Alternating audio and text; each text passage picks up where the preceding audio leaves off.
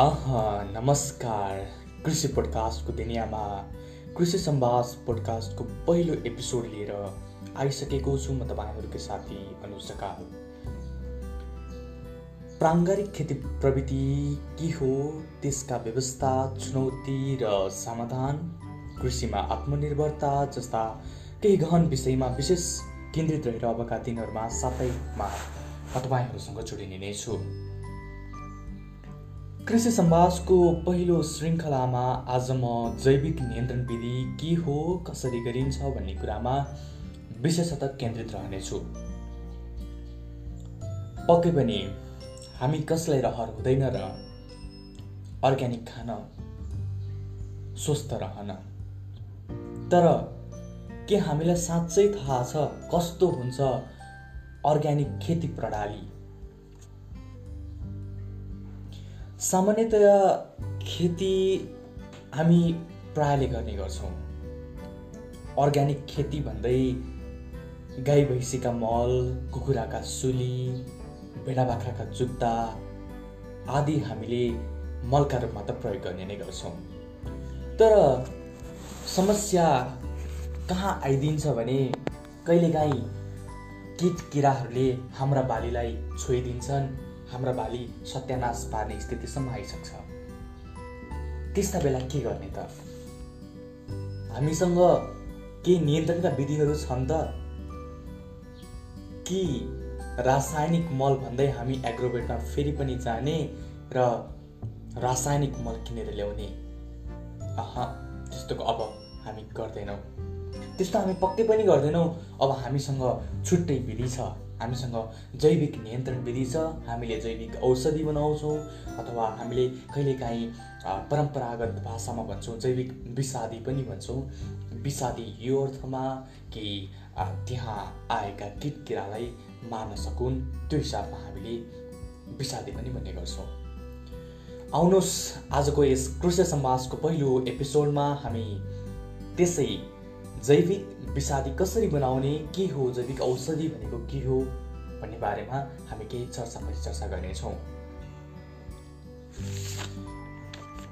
प्रथमतः जैविक विषादी अब हामीले परम्परागत रूपमा अथवा अङ्ग्रेजीमा सुन्दै आएको अर्ग्यानिक पेस्टिसाइड भन्ने बुझिन्छ। कसरी बनाइन्छ के हो जैविक औषधि यसका बारेमा म थोरै केही चर्चा गर्नेछु। जैविक औषधिको रूपमा हामीले हाम्रै करेसाबारी हाम्रै घर आँगनमा रहेका झारपात पात पतिङ्गरहरूको प्रयोग गर्न सक्छौँ। त्यसको लागि हामीले अमिलो पिरो तितो चिजहरू जे कुनै पनि त्यस्ता चिजहरू हुन्छन् जुन चिजहरू हाम्रा किरा किटहरूले मन नपराउने हुन्छन् त्यस्ता कुराहरूलाई हामीले मिसाएर घोलेर बनाउने गर्छौँ। आउनुहोस् के रहेछन् त त्यस्ता चिजहरू त्यस्ता हाम्रा वनस्पतिहरू के रहेछन् त्यसका बारेमा म चर्चा गर्ने नै छु। हामीले जैविक औषधिका लागि निम हसुरो तितेपाती सिस्नो बकैनो चरी अमिलो बनमारा खुर्सानी लसुन अदुवा आदि यस्ता चिजहरू चाहिँ हामीले प्रयोग गर्न सक्छौँ। मैले यहाँ भनिराख्दाखेरि मैले भनिराखेका केही वनस्पतिहरू बाहेकका कुराहरू पनि हामीले प्रयोग गर्न सक्छौँ। हामीले त्यस त्यो सबै चिजहरूलाई पहिला टुक्राउँछौँ साना साना टुक्राहरूमा परिणत गर्छौँ त्यसपछि एक अर्कामा मिसाउँछौँ।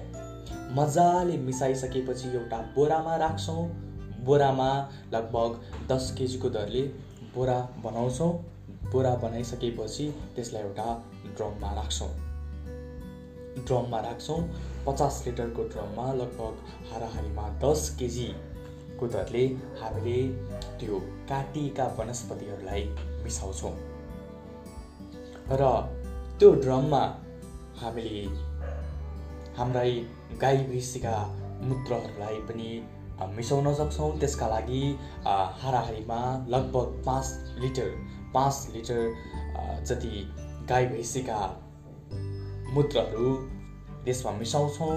त्यसपछि खरानी हाराहारीको एक केजीको खरानी हामीले त्यसमा मिसाउँछौँ र हामीले त्यसमा माटो पनि केही मिसाउँछौँ। माटो चाहिँ हामीले लगभग पाँच केजीको हाराहारीमा हामीले त्यसलाई मिसाउँछौँ।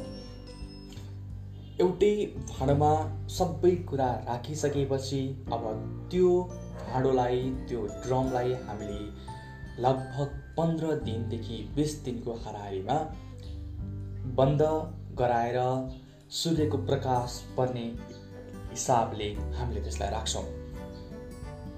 त्यसलाई राखिसकेपछि अब अन्तत हामीसँग जैविक विषादी बनिसक्यो।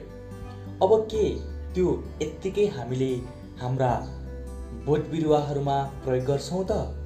पक्कै पनि होइन। त्यो औषधि हो औषधिलाई हामीले थोरै पानीमा मिसाएर प्रयोग गर्छौँ। अब कति पानीमा मिसाउने त्यसको पनि जानकारी म दिनेछु। एक भाग औषधिमा तिनदेखि पाँच भाग जति पानी मिसाएर छर्कन सक्छौँ।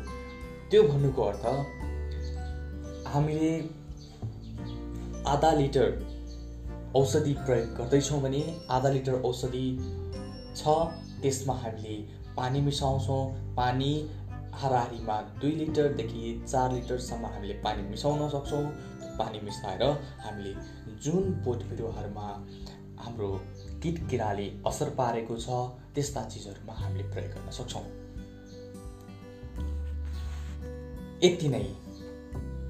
आजको जैविक नियन्त्रण विधिको श्रृङ्खला यति नै अब फेरि पनि म आउने नै छु प्रतीक्षा गर्नुहोला यो साप्ताहिक कार्यक्रम हो अर्को साता फेरि पनि भेटौँला हस्त धन्यवाद जय कृषि